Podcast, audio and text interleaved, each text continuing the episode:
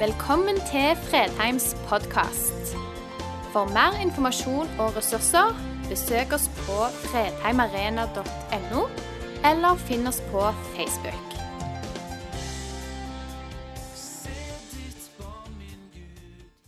grad opplever du å være sendt i ditt liv?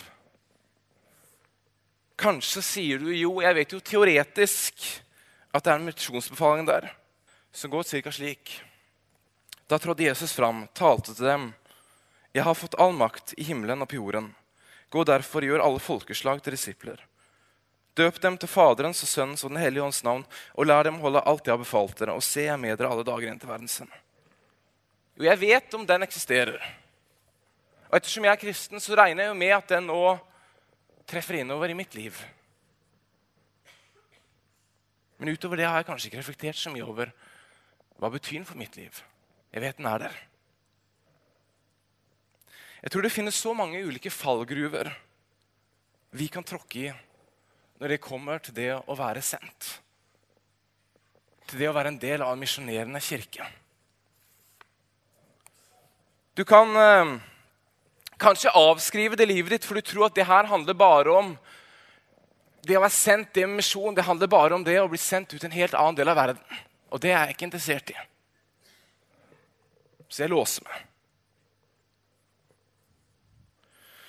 Eller du tenker jeg løser det kanskje med å gå på de rette møtene, misjonsmøtene. Jeg går med de rette menneskene. De stedene hvor misjon holdes høyt. Men så slår det kanskje egentlig ikke rot i livet ditt, selv om du er i de miljøene. Kanskje tenker du at det å være sendt og det å drive misjon, det er ikke noe for deg. Det får noen andre ta seg av. Eller kanskje tenker vi sånn som i Vesten. At vi bare betaler oss ut av det. Jeg støtter en haug misjonærer. Men hva med mitt liv, da? Her jeg er, på den arbeidsplassen jeg er. Har det noen praktisk konsekvens der? Eller kanskje er vi der hvor vi vet at vi fikk det oppdraget som kirke. Men egentlig så er det likegyldig for oss. Vi har ikke tenkt å gjøre noe med det. Anne Wenche berørte et veldig viktig poeng eh, i siste tale hun hadde her på G-en på sist søndag.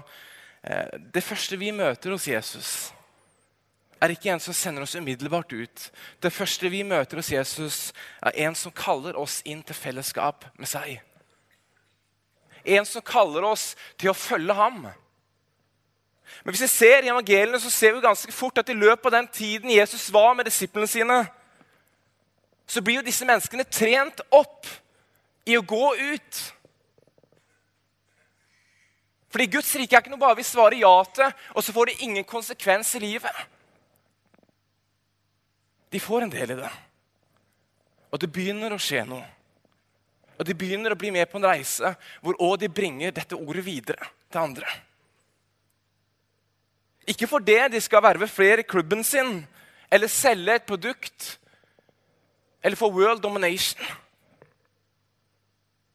Men fordi tilstedeværelsen med Jesus, relasjon med Gud, forstår at dette er kjernen i livet vårt. Framfor alt annet så er det dette som betyr noe. Og de legger ned sitt eget for å begynne å gå med ham. Det besvarer noen grunnleggende spørsmål på hvorfor jeg er her. Hva gir meg verdi?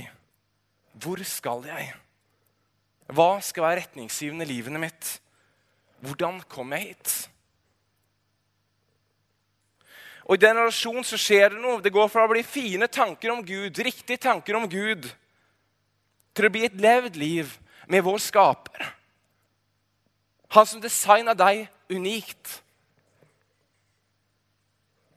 Og så går forhåpentligvis til å bli en relasjon vi opplever i livet vårt at vi aldri kunne vært foruten. Du skjønner, Vi risikerer noe som kirke og vi risikerer noe som eh, disipler. At vi tror misjon dreier seg om oss og menigheten. Det er noe vi driver med. Og hvis vi tror det, så har vi bomma totalt. Fordi misjon er noe Gud driver med. Kirken er her fordi Gud driver med misjon. Fordi Gud leita så etter deg at han sendte Jesus til denne jorda for å nå deg. De gamle kirkefedrene brukte begrep som heter 'missio dei'. Helt tilbake til Augustin. Guds misjon. Dette er ikke noe vi gjør, men det er noe vi får lov å være en del av. Og Gud bruker sin kirke i dag for å nå ut med sin misjon. Fordi han er ikke ferdig med å nå mennesker. Han leiter etter de som går fortapt. Han leiter etter de som sliter. Og han leiter etter de som ennå ikke vet hvem han er.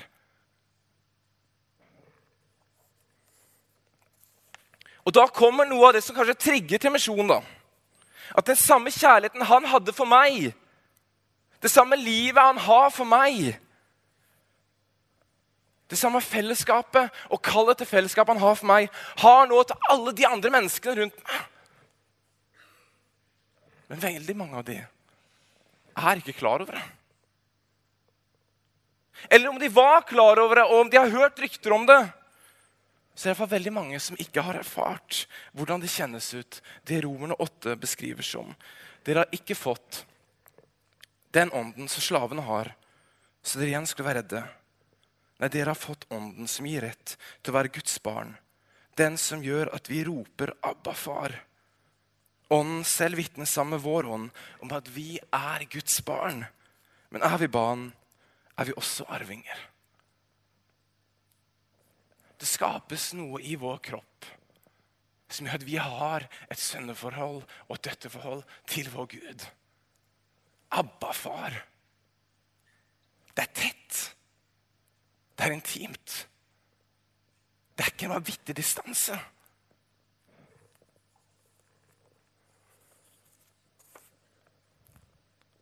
Hør, Når vi snakker om å være sendt, så kan vi like godt starte med spørsmålet hva betyr dette for deg?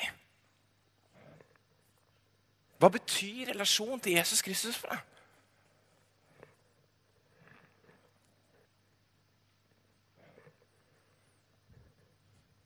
Og Når jeg stiller det spørsmålet, så stiller jeg det selvransakende. Og det spørsmålet stiller jeg også ofte om mitt eget liv. Hva betyr dette her for meg? For hvis svaret faktisk er lite eller ingenting, ja, la oss være helt ærlige, da. Hvis livet med Jesus ikke betyr noe, hvorfor skal da misjon bety noe?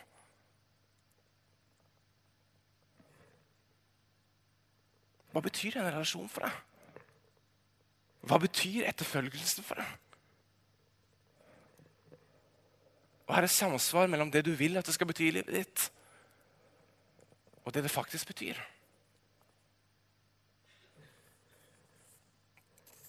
Så vi lever altså i den spenningen da, mellom et kall til etterfølgelse og en som roper på oss for å Eller ikke roper på oss, han er alltid mild. Nei, han er ikke alltid mild. Men han, han ber oss iallfall eh, inn til fellesskap med seg.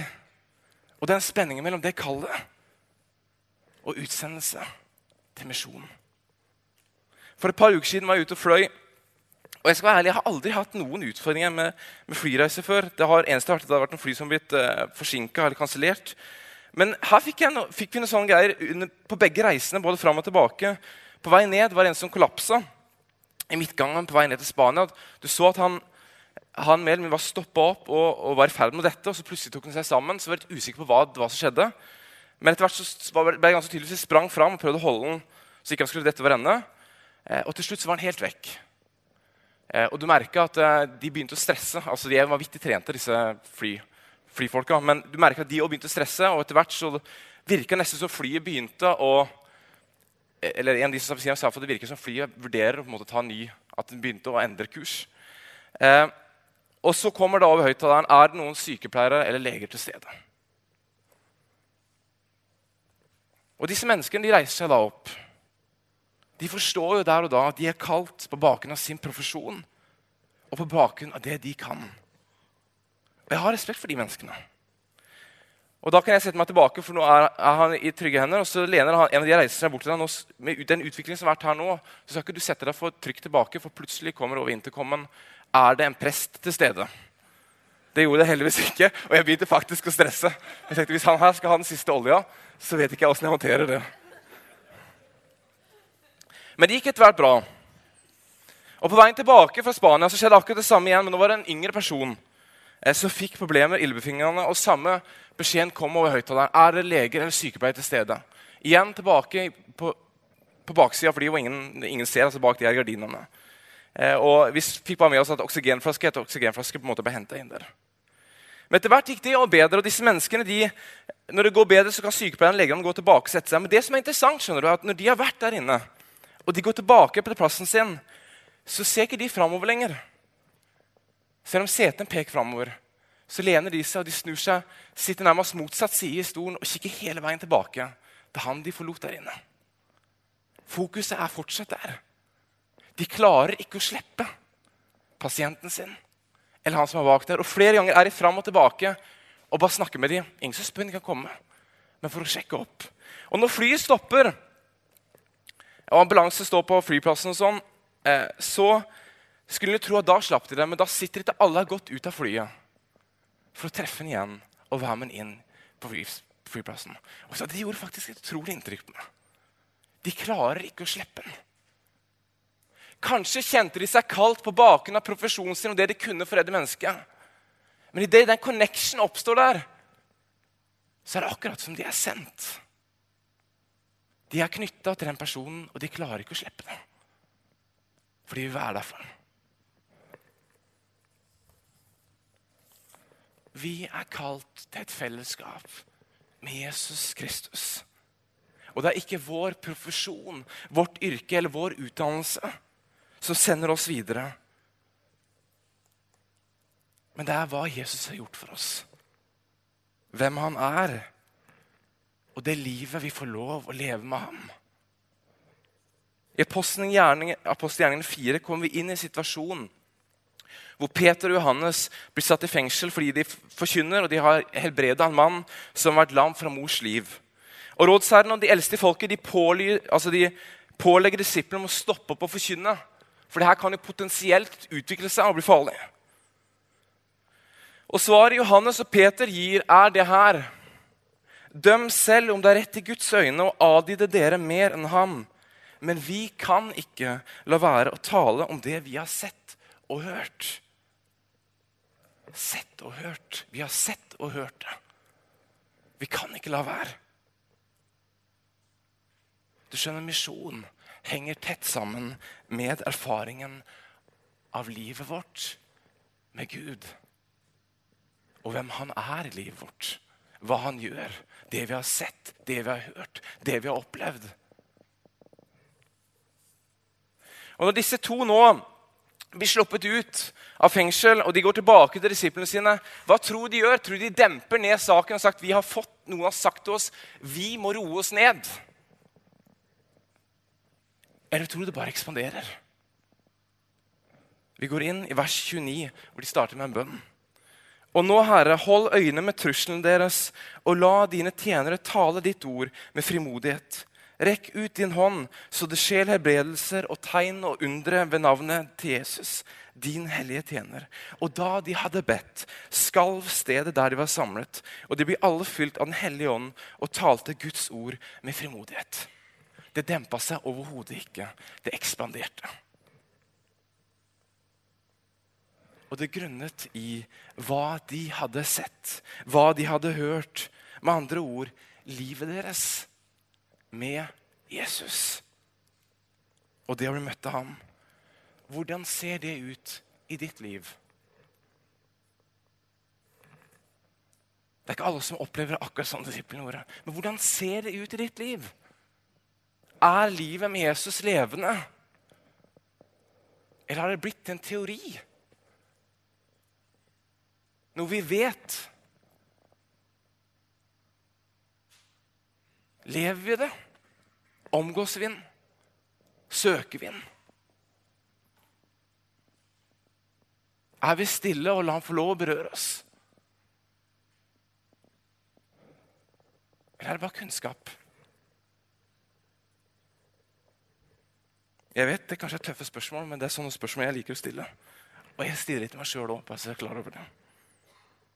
For jeg vet jo erfaring at livet med Jesus, troen, kirken og håpet, er langt mer levende for meg i de periodene hvor jeg opprettholder relasjonen med ham. Hvor jeg søker ham daglig, hvor jeg er i hans nærhet. I de periodene hvor det bare det flyter. Det er teori. Jeg har ingen praksis på det. Og det oppleves bare som teori å dyrke. Siste måned har jeg vært i maratonmodus. Eh, og historien om maraton sies jo nettopp å være historien om Feidippedes, eh, som sprang fra maraton til Aten for å gi beskjed om seier i slaget mot persene. Og Etter 42 km kommer han da fram til Aten og lederne sine. Og Han kunne proklamere seiersbudskapet, og i det øyeblikket så dør han. Så når maraton skal bruke alle de fine gimmickene de gjør for å få folk til å glede seg til å løpe, så er selvsagt en av de de bruker, 20 000 budbringere, er ventet. Og Jeg hadde også et bud eller to jeg ønsket å bringe når jeg kom i mål. Det første var på en SMS til min kone. 'Jeg lever, komma, punktum'. Og så hadde jeg en til omverdenen. Jeg er 33 år, nå starter jeg midtlivskrisen, så ingen får sjokk når den starter når jeg er 40. Men hvem er du en budbringer til? Disiplene ble først sendt ut til de bortkomne i Israels hus. Og de fikk beskjed om å ikke gå til hedningene. I misjonsbefalingen så åpnes dette fullstendig opp. Men du ser, Disiplene er jo forvirra. Det er jo først et stykke ut i apostelens gjerninger. De vet helt hvordan de skal forholde seg til det her. Skal vi gå til hedningene, eller skal vi ikke gjøre det? Og Vi er jo takknemlige for at de gjør det, for det er grunn til at vi får lov å tilhøre Jesus i dag. Men det betyr òg at de du kan være sendt til, like godt kan være de du jobber sammen med, de du bor rundt, de i din egen familie som ikke tror.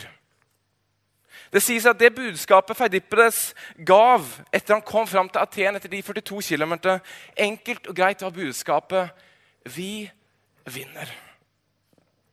Og så tok han sitt siste åndedrag.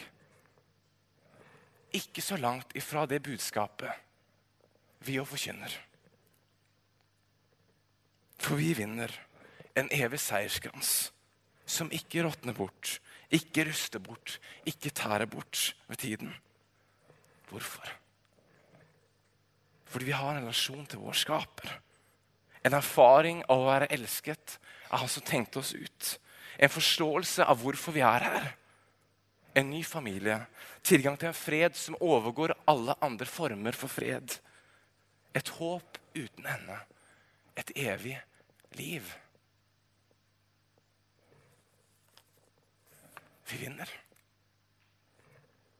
Jeg så akkurat et intervju med biskopen av den amerikanske kirke i London fra 2014, hvor han snakka om kirkeveksten i Kina. Eh, og Et av de to svarene som de alle de kristne han med, eller nesten alle de kristne han snakka med, som ble med i en ny kirke i Kina, ga til hvorfor de ble en del av kirken, var det vi opplever en trygghet og en tillit i, i fellesskapet i kirken som vi ikke har funnet noe annet sted.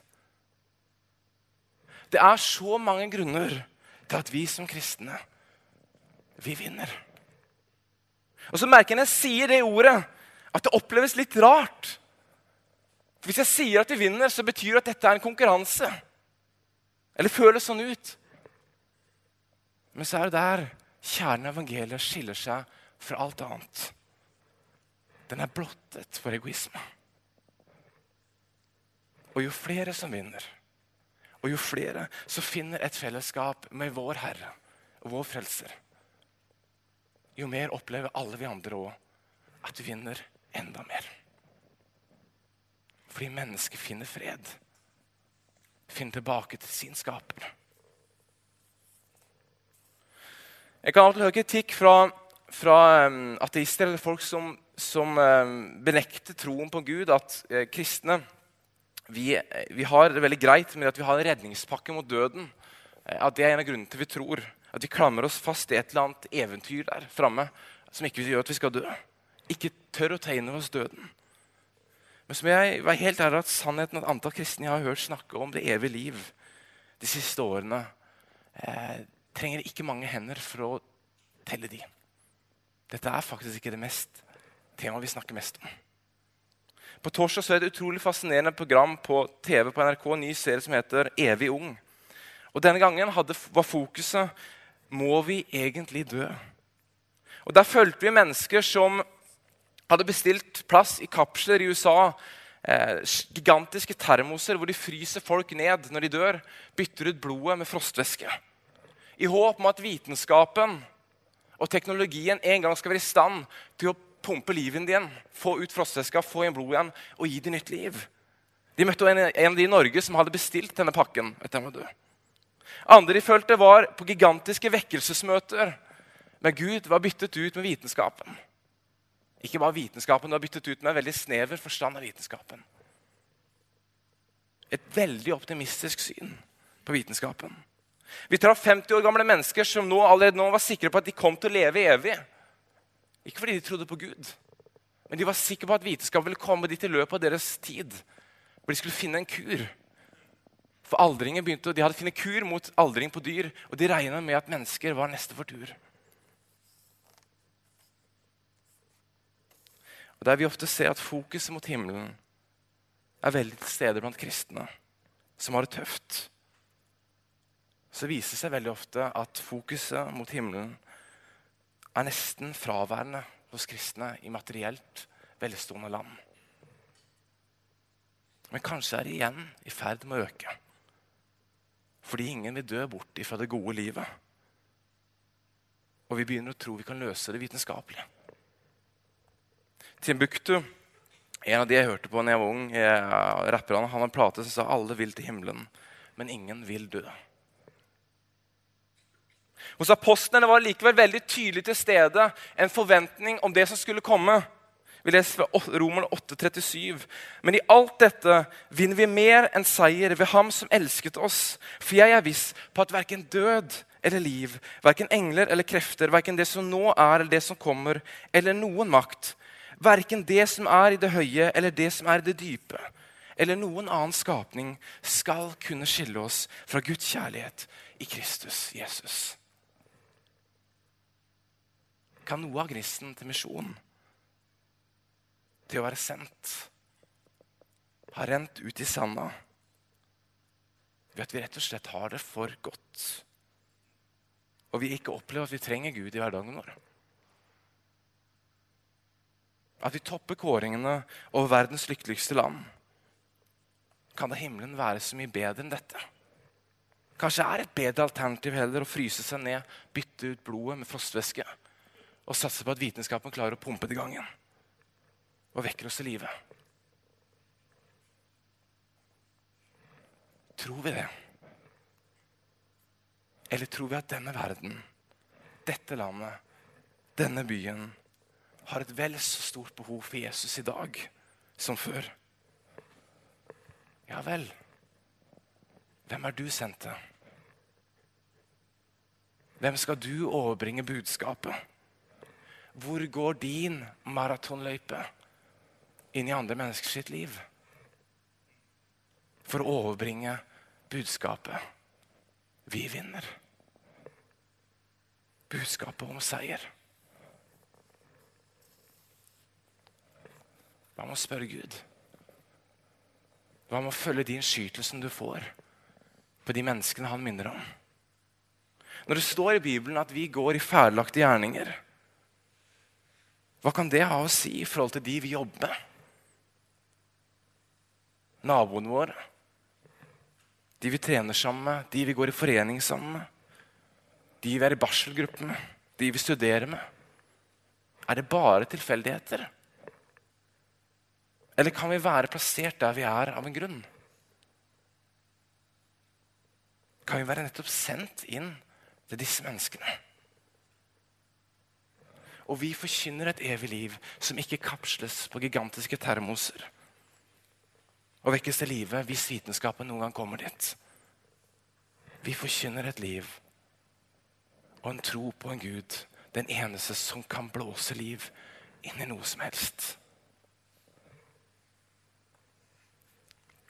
En del kristne ledere kom med programmer om hvordan du skal kunne investere inn i menneskers liv. Hva du skal gjøre for å bety mer. Jeg er ikke så sikker på at jeg er enig med dem. For jeg ser ikke Bibelen. Jeg tror det vesentlige er at du begynner å stille spørsmålet hvordan kan jeg bety noe for disse menneskene som betyr noe for meg?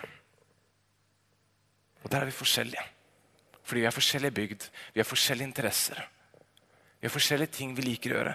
Vi må òg ta inn over oss at en del rundt oss faktisk tror jeg ikke ønsker å bli kristen fordi de syns de kristne ser ut til å ha så sinnssykt stressende liv. De skal gjøre kristendommen og troen oppå alt det andre. Hva med heller å gjøre det inn i det vi gjør, istedenfor å lage programmer? Bruke de mulighetene vi har, der vi er.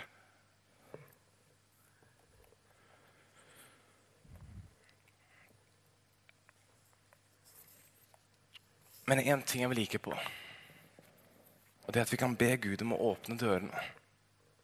Begynne å velsigne de menneskene vi har rundt oss. Begynne å be for dem.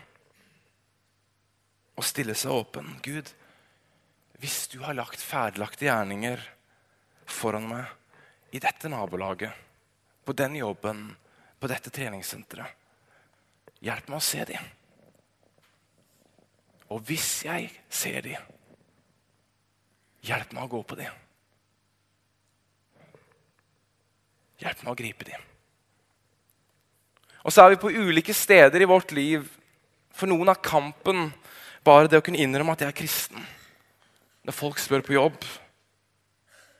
For andre er kanskje det at har, du har gnagd lenge for at hun naboen hun har sykt vondt i beina. og Jeg kjenner at jeg har lyst til å be for det og spørre om det.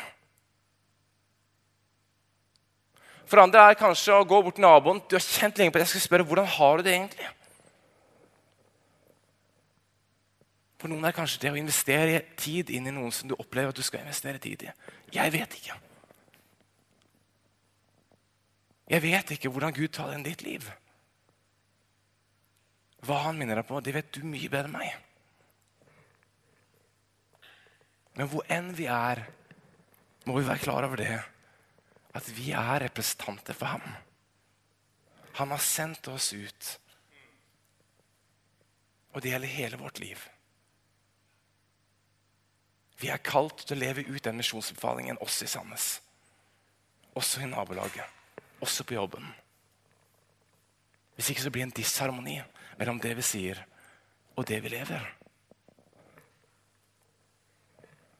Vårt liv vitner om verdens håp. Du ser de sykepleierne på det flyet, de legene på det flyet. De kunne jo bare blitt sittende.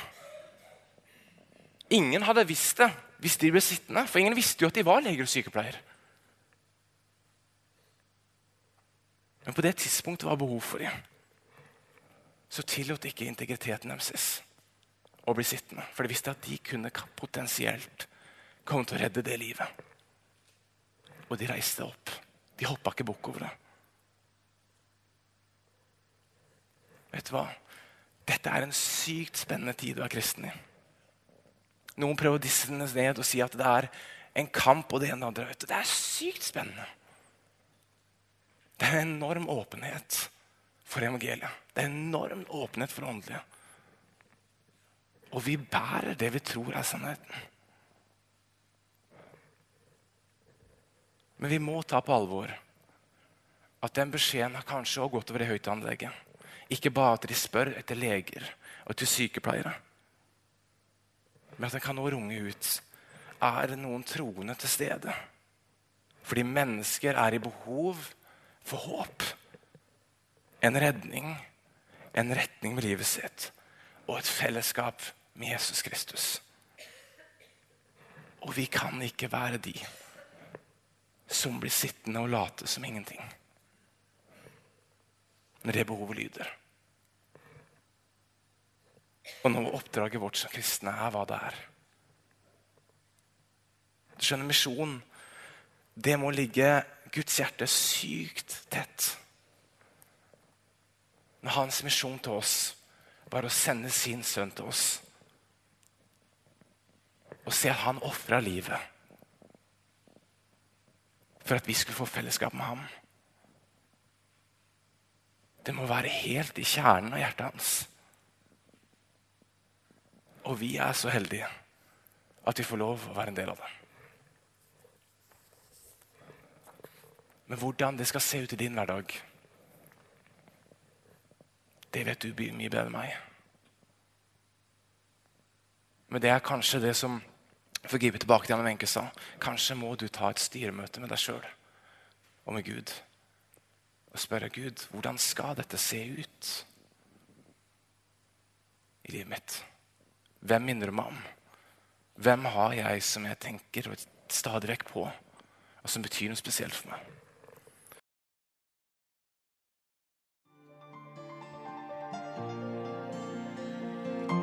Takk for at du valgte å høre på. Nye opptak legges ut hver uke. Vi har gudstjenester hver helg, og du er hjertelig velkommen.